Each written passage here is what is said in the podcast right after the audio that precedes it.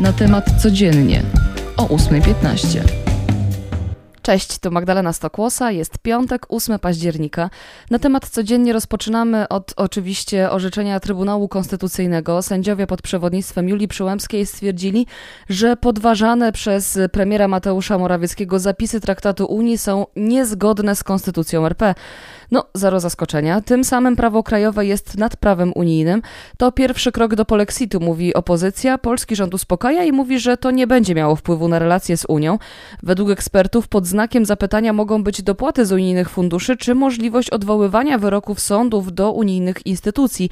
Swoje zaniepokojenie wyraziła też Bruksela. Tak podał unijny komisarz Didier Reynerz i podał, że Unia wykorzysta wszystkie dostępne jej narzędzia w celu ochrony praworządności europejskiej. Więcej o całej sprawie przeczytacie oczywiście na natemat.pl. Tymczasem brak porozumienia po rozmowach ostatniej szansy. Po wielogodzinnej dyskusji medycy nie porozumieli się z resortem zdrowia, chociaż te negocjacje trwają tak naprawdę od kilku tygodni. Protestujący zapowiadają przygotowanie swojej wersji porozumienia i chcą wrócić do rozmów z rządem. Piotr Bromber, który reprezentuje ministerstwo w tych rozmowach, mówi, że żeby doszło do porozumienia, obie strony muszą wyrazić dobrą wolę, a tej po stronie medyków nie widać. To nie jedyne protesty, które teraz w Polsce się odbywają. Dziś na ulicę Warszawy mają wyjść przedstawiciele Krajowej Administracji Administracji Skarbowej, a w sobotę nauczyciele i budżetówka wszyscy domagają się podwyżek. Dzisiaj w Senacie z kolei w drugim i ostatnim dniu posiedzenia senatorowie wysłuchają informacji prezesa Najwyższej Izby Kontroli Mariana Banasia w sprawie kontroli Funduszu Sprawiedliwości. Senatorowie mają również przeprowadzić głosowanie nad rozpatrzonymi ustawami. TVP kontra TVN. Sport Polaków, jak wielu określa skoki narciarskie, w przyszłym sezonie zimowym nie do zobaczenia na antenach publicznej telewizji. Prawo do emisji Pucharu Świata 2021-22 otrzymało Discovery, które nie udzieliło publicznemu nadawcy sublicencji. Zawody będzie można zatem oglądać w TVN i Eurosporcie. Telewizja Polska będzie mogła wyemitować trzy konkursy w Wiśle, Zakopanem oraz Mistrzostwa Świata w Wickersund. TVP nawołuje do tu cytat opamiętania się, bo zabierając skoki z TVP pozbawia się naród możliwości oglądania wspólnie sportowych zmagań. No ja to widzę trochę inaczej, no to trzeba będzie po prostu zmienić kanał ale mogę się mylić, a cykl Pucharu Świata w skokach narciarskich wystartuje 19 listopada. Jak jesteśmy przy sporcie, nasze panie idą jak burza przez Indian Wells i mamy pozytywne zaskoczenie. Magdalena Fręch po przejściu kwalifikacji wygrała swój pierwszy pojedynek z wyżej notowaną Chinką i awansowała do drugiej rundy zawodów w Stanach. Jej kolejną przeciwniczką jutro będzie Czeszka Karolina Pliskowa, czyli numer jeden turnieju.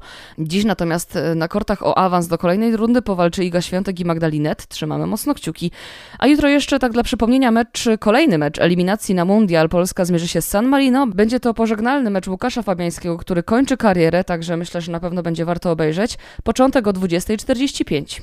Zmieniamy temat. Abdul Razak Gurna otrzymał w tym roku literacką Nagrodę Nobla.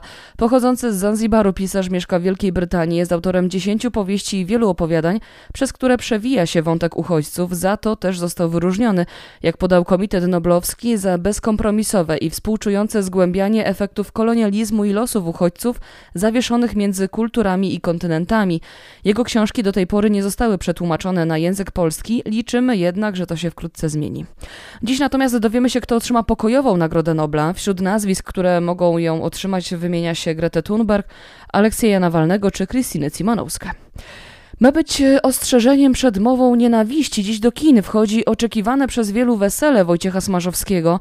Jak mówi reżyser, to najtrudniejszy film, jaki zrobił. Chociaż obraz jest współczesny, opowiada historię jednej z kart przeszłości, o której my, Polacy, wolelibyśmy zapomnieć. A kogo zobaczymy na ekranach? Roberta Więckiewicza, Ryszarda Rączewskiego, Agatę Kuleszę czy Michalinę Łabacz. Rzeczy osobiste króla mafii na sprzedaż 170 przedmiotów, w tym zegarki, pistolet czy zdjęcia należące do rodziny włoskiego gangstera Al Capone trafią dziś na aukcję w Sacramento. 77-letnia Diana Capone liczy na to, że przez te osobiste przedmioty licytujący poznają ludzką stronę jej dziadka. Wśród pamiątek wyróżnia list, który jej dziadek napisał do swojego syna Soniego, gdy odbywał karę w więzieniu Alcatraz. Jego wartość szacuje się na około 25 tysięcy dolarów. Tą informacją dzisiaj się z Wami pożegnam. Magdalena Stokłosa, dzięki i do usłyszenia w poniedziałek. Cześć.